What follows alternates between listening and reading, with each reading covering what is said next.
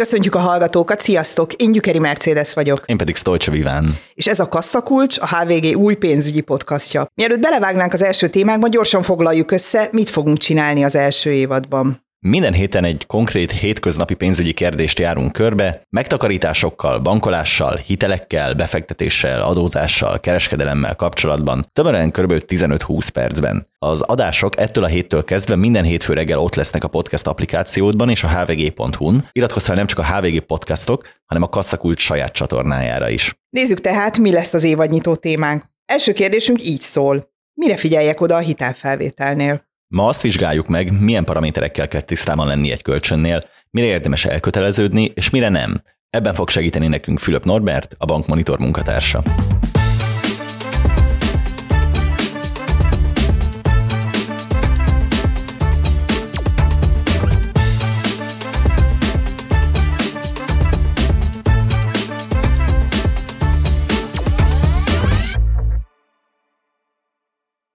Szia Norbi, köszöntünk a stúdióban. Azért hívtunk, hogy a hitelfelvételekről beszélgessünk, és ugye a hitel és hitel között nagyon sok különbség van. Most kezdjük inkább azzal, hogyha valaki egy nagyon nagy dologra szánja el magát, például, hogy lakást vásárol, annál a hitelfelvételnél mire kell ügyelnie? Szervusztok, köszönöm, hogy itt lehetek. Az első az, hogy tisztázni kell, hogy mekkora hitelösszegre van szükségünk, és hogy mit szeretnénk vásárolni hitelből, mert egyáltalán nem biztos, hogy ugyanaz a hiteltermék lesz a megfelelő. Hogyha egy tévét vennénk, esetleg egy számítógépet, akkor áruhitel is szóba jöhet, ezt a boltok is kínálják, vagy akár felvehetünk kisebb összegű személyi kölcsönt. Ezekről azt kell tudni, hogy nincs ingatlan fedezet mögöttük, a hitelbírálat pár nap alatt megvan, a saját bankunktól akár néhány órán belül is pénzhez juthatunk. Itt a hitelösszeg rendszerint alacsonyabb, a kamat pedig magasabb, 14-20 százalékos kamatra lehet körülbelül készülni. Tehát akkor a magasabb ár az, ami az ára annak, hogy mondjuk nem kell fedezetet nyújtani. Igen, igen. Általában, ha lakásra van szükségünk, az egészen más, ilyenkor hitet kell felvennünk, ilyenkor az ingatlan maga a fedezet a hitel mögött, itt a kamatok alacsonyabbak, 6-7 százalék kamattal már hitelhez lehet jutni, és persze a futamidő is jóval hosszabb, hiszen 20-30-50 millió forintot nem fogunk tudni néhány év alatt visszafizetni. Ha már a futamidők témáját behoztad itt, milyen futamidőt érdemes szerinted választani, illetve mi alapján érdemes számolni, hogy milyen futamidő lehet a jó nekünk? Hát mi azt tapasztaljuk, hogy a valaki hitelt szeretne felvenni, akkor általában azt számolgatja, hogy a jövedelméből ki tudja fizetni a havi törlesztőket. Nagyon fontos, hogy nem érdemes elmenni a falig, tehát úgy számoljunk, hogy némi ráhagyással, tehát ne feszítsük ki a családi költségvetést, viszont tudni kell, hogy minél hosszabb a futamidő, annál tovább fizetjük a kamatot a banknak, tehát összességében annál többet kell visszafizetnünk. Ugye az, hogy ne menjünk el a falig, azt valamennyire az MNB is meghatározza. Erről tudnál egy pár mondatot mondani, hogy pontosan milyen szabályok érvényesek? A ETM szabály szerint általánosságban elmondható, hogy kb. jövedelem 50%-a folytató hiteltörlesztésre, de én azt gondolom, hogy a mostani inflációs helyzetben nem érdemes elmenni eddig, legyünk óvatosabbak, és inkább vállaljunk hosszabb futamidőt, és hogyha úgy látjuk egyébként, hogy pénz áll a házhoz, vagy van lehetőségünk idő előtt visszafizetni a hitelt, akkor tegyük meg.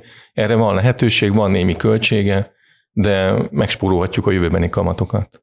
Itt ugye az MNB-nek a szabályai kapcsán ugye még arról is érdemes beszélni, hogy Némileg ugye több hitelhez lehet akkor hozzájutni, hogyha tíz éves vagy annál is hosszabb kamatperiódusú, vagy hogyha fix kamatozású hitelt veszünk föl. Hogy érdemes a kamatperiódussal számolni, mennyivel drágább mondjuk egy ilyen hitel, hogyan érdemes egyensúlyozni a biztonság és az olcsóság között? Ma már gyakorlatilag lakáshitelt a bankok vagy tíz éves kamatperiódussal adnak, vagy végig fix kamattal. Tehát valójában ez a két lehetőség van. Azt tudni kell, hogy van bank, amelyik kizárólag fix hitelt ad, és van olyan, amelyik egyébként kizárólag 10 éves kamatperiódusú, és van a többség, ahol lehet választani. A kamatperiódus azt jelenti egyébként, hogy hogy a 10 évesnél 10 évente tud módosulni a kamat és a havi törlesztő, a végig fixnél pedig előre tudjuk a futamidő végéig, hogy pontosan havonta mennyit fogunk fizetni. Viszont ugye jól értelmezem, hogy nagyban arról van szó, hogy ezek, aminél előre tudjuk, hogy mennyit kell fizetni, ezek összességében kicsit drágábbak. Cserébe viszont biztonságot is vásárolunk. Így van, egy kicsit drágábbak, de minimális jelen pillanatban az árkülönbség a kettő között, mégpedig azért, mert hogy rövid távon magasabb kamatokat várunk, mint hosszabb távon, tehát ez kicsit összehozta a tíz éves és a végig fix kamatokat. Említetted azt, hogy most viszonylag magasabb a kamatkörnyezet.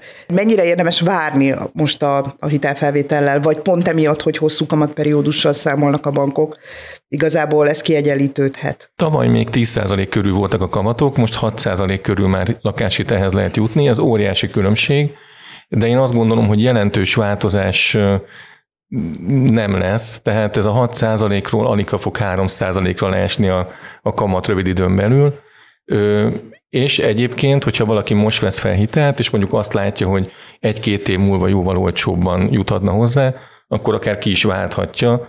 Ez a kiváltás egyébként egyszerű hitelcserét jelent, van költsége, van vele macera, ügyintézés, de megoldható, hogy egy drágább hitelből valaki egy olcsóbbba szálljon át. Mhm. Még mielőtt tovább mennék, még egy dolgot szerintem érdemes tisztázni, ugye kamatról beszéltünk eddig, de közben ugye THM-ről is szó van. A kettő között mekkora különbség lehet? Nem is annyira a különbség a lényeg, inkább az, hogy a THM az a kamaton túl egy csomó más költséget is tartalmaz. Ez főleg a lakáshiteleknél érdekes, itt van értékbecslés, közjegyző okiratba foglalásnak van díja, földhivatali költségek vannak. Ez egyébként egy átlagos hitelnél 2-300 ezer forint is lehet, és van bank, amelyik ezt elengedi, van, amelyik nem. Ha csak a kamatokat hasonlítjuk össze, akkor ezt nem látjuk, de ha a THM-et, akkor jól látszik, hogy melyik bank az előnyösebb számunkra. Vagyis akkor, hogyha mondjuk választunk bank és bank között, akkor inkább ezt az utóbbi számot, a THM-et érdemes figyelni. Mindenképp egyébként kötelező a bankoknak ezt kommunikálniuk. Biztos látjátok ti is, hogy a plakátokon, hirdetésekben mindig THM-et szoktak kommunikálni. Itt sokat beszéltünk lakásokról, mi a helyzet akkor, hogyha például az ember autót szeretne vásárolni? Most azért direkt ezt dobom be, mert eh, ez egy nem akkora tétel, mint egy lakás, de azért nagyon nagy eh, összegről van itt szó. Tehát eh, egy ilyen esetben például hogy érdemes kezdeni a hitel iránti érdeklődést? Hát nagyon sokszor, amikor kinéz valaki egy autómodellt, akkor látja rögtön, hogy van mellette egy finanszírozási ajánlat, ami mindig leasing szokott lenni. Ez általában bizonyos modellekre, felszereltségekre vonatkozik, és maga a leasing kamata nagyon kedvező. Ha valakinek tetszik az a modell, tetszik az a felszereltség, akkor így olcsón lehet viszonylag jó finanszírozással új autóhoz jutni. Használt autóknál egészen más a helyzet, itt nem a leasing játszik, a személyi kölcsön a leggyakoribb finanszírozás, ennek az összege maximálisan 12 millió forint lehet, a havi törlesztő ilyen esetben 150-200 ezer forint körülre jön ki, és ami fontos kötöttség, hogy a futamidő maximum 8 év lehet. Jelen pillanatban a bankok nem adnak 8 évnél hosszabb időre személyi kölcsönt, úgyhogy ezért nem lehet a futamidő hosszabb kitolásával lejjebb vinni a törlesztőket. Az lehet jó egyébként egy ilyen személyi kölcsönnél, hogy tulajdonképpen ez nem kapcsolódik magához a megvett autóhoz, az autó később eladható, akár a bevételből elő lehet törleszteni a hitelt, vagy akár vissza is lehet fizetni, tehát a hitel alapvetőleg egy szabad célú, de arra fordítjuk, amire akarjuk, itt mondjuk éppen benne az esetben autóra. Tehát, hogy tulajdonképpen itt egy összeget kapok, míg a lakásnál ugye sokkal kötöttebb a finanszírozás, hiszen mondjuk adott esetben nem is én kapom azt a pénzt, és én adom tovább annak, akitől vásárolom a lakást, hanem mondjuk egyből cél és a, a címzett is meghatározott. Ez így van, egy lakás célú jelzálók hitelnél arra kapjuk a banktól a pénzt, hogy megvegyük azt az ingatlan, ami utána fedezetként fog szolgálni normál esetben a hitel mögött. Van persze olyan jelzálók hitel, ami, ami szabad felhasználású, azaz mondjuk, ha van egy ingatlanunk, akkor hitelt veszünk föl, az ingatlan lesz a fedezet, a bank pedig nem szól bele, hogy mire költjük a pénzt. Ez nagy szabadságot jelent, viszont mindig drágább némileg a lakás célú hitelnél?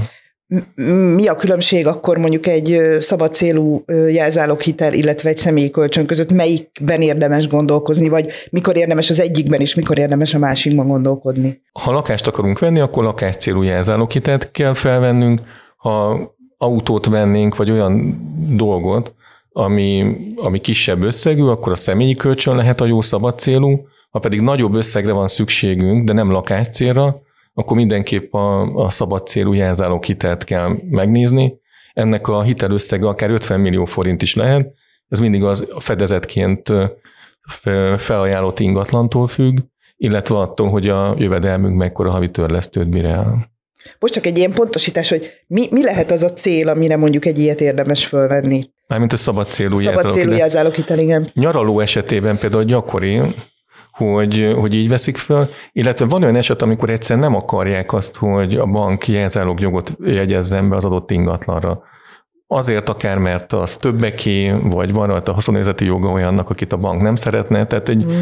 több lehetőség van. De hát tudjuk, hogy nem túl régen nagyon menő dolog volt ilyen jelzáloghitelt felvenni 7-8 százalékos kamattan, és abból állampapírt vásárolni, ami a magas infláció miatt nagyon jó hozott, és amennyiben eltelik egy-két év, és az infláció lecseng, akkor egyszerűen vissza lehet váltani az állampapírt, kifizetni a hitelt, és gyakorlatilag nettó haszna van az ügyfeleknek. Jól látjuk az MMB statisztikáiban, hogy ez nagyon megdobta egyébként a volument.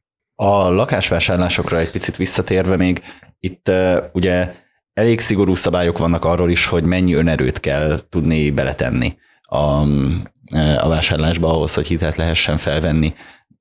De valójában az, hogy ne menjünk el abban a falig, ez így milyen arányokat érdemes itt alapul venni? Mekkora részét érdemes a vételárnak megpróbálni előteremteni önerőből?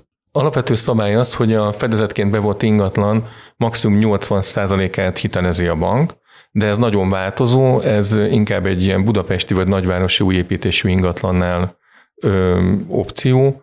Ö, faluban, kisebb ö, településeken valamikor a forgalmi érték 50%-át adja csak a bank. Egyszerűen azért, mert nem biztos benne, hogy mennyiért tudja értékesíteni, ha esetleg az ügyfél nem fizetne.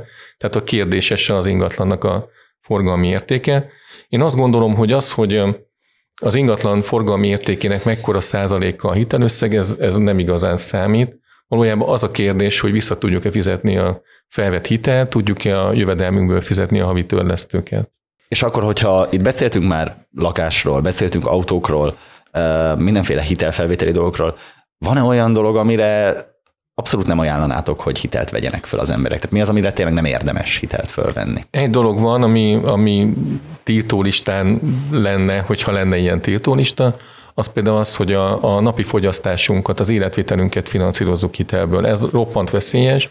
Ez egyrészt azért, mert drága, tehát van egy ára, a kamat ennek a pénznek, a másik pedig, hogy, hogy ez nem termel semmit, ez a pénz elveszik, és így nagyon könnyen adóságspirálba verhetjük magunkat. Tehát, hogyha valamit mindenkit távol tartanék, az az, hogy hitelből finanszírozza az aktuális életvitelét.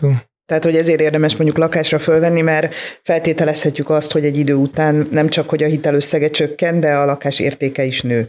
Vagyis ugye az arány is megváltozik a hitel és a, az érték között. Jó esetben ez így van, de egyébként is, ha szeretnénk saját ingatlanban élni, akkor nagyon nem tudunk más tenni, mert a többségünknek egyszerűen nem áll rendelkezésre annyi megtakarítás, hogy, hogy ezt megtegyük, és mellette természetesen, ahogy mondtad, az ingatlan megmarad, tehát lesz egy, egy vagyonunk, ami, hát hogyha minden kötén szakad, akár értékestető, és akkor akár albéletben is lehet folytatni az életünket. Ugye a magyaroknak az a szokása, hogy legyen lakása. Előfordult már az, hogy valakit lebeszéltetek arról, hogy lakást vegyen, tehát akár a jövedelmi viszonyai miatt, akár azért, mert hogy nem tudom, túl nagy értékű ingatlant próbált vásárolni hitelből. Mindig a jövedelem a kérdés. Ha valaki tehetős és jól keres, és az állása stabil, akkor gyakorlatilag hitelképes és valószínűleg érdemes is ingatlant vennie. Az, hogy milyen áron vesz valaki ingatlant, az pedig az igényeitől és hát a lehetőségeitől függ. Óriási különbségek vannak, tehát egy pesti átlagos újépítésű lakás simán kerülhet 110 millió forintba, ennyire gyakorlatilag Heves megyében egy lovardát lehet megvenni családi házzal. Most bocsánat a két szélsőségért, de, de óriási különbségek vannak. Mindenki azt vásárolja meg, amit tud és amit szeretne. Köszönöm, Norbi, hogy segítettél megválaszolni a mai kérdést, hallgatóinknak pedig köszönjük a figyelmet. Jövő hétfő reggel újra találkozunk, addig iratkozzatok fel a Kasszakulcs csatornájára, és kapcsoljátok be az értesítéseket, hogy egyetlen adásról sem maradjatok le. Ha pedig érdekel titeket a HVG többi podcastja, a HVG podcastok csatornáján mindent megtaláltok. Én Gyükeri Mercedes vagyok, Stolce Viván nevében is búcsúzom tőletek. Viszont hallásra!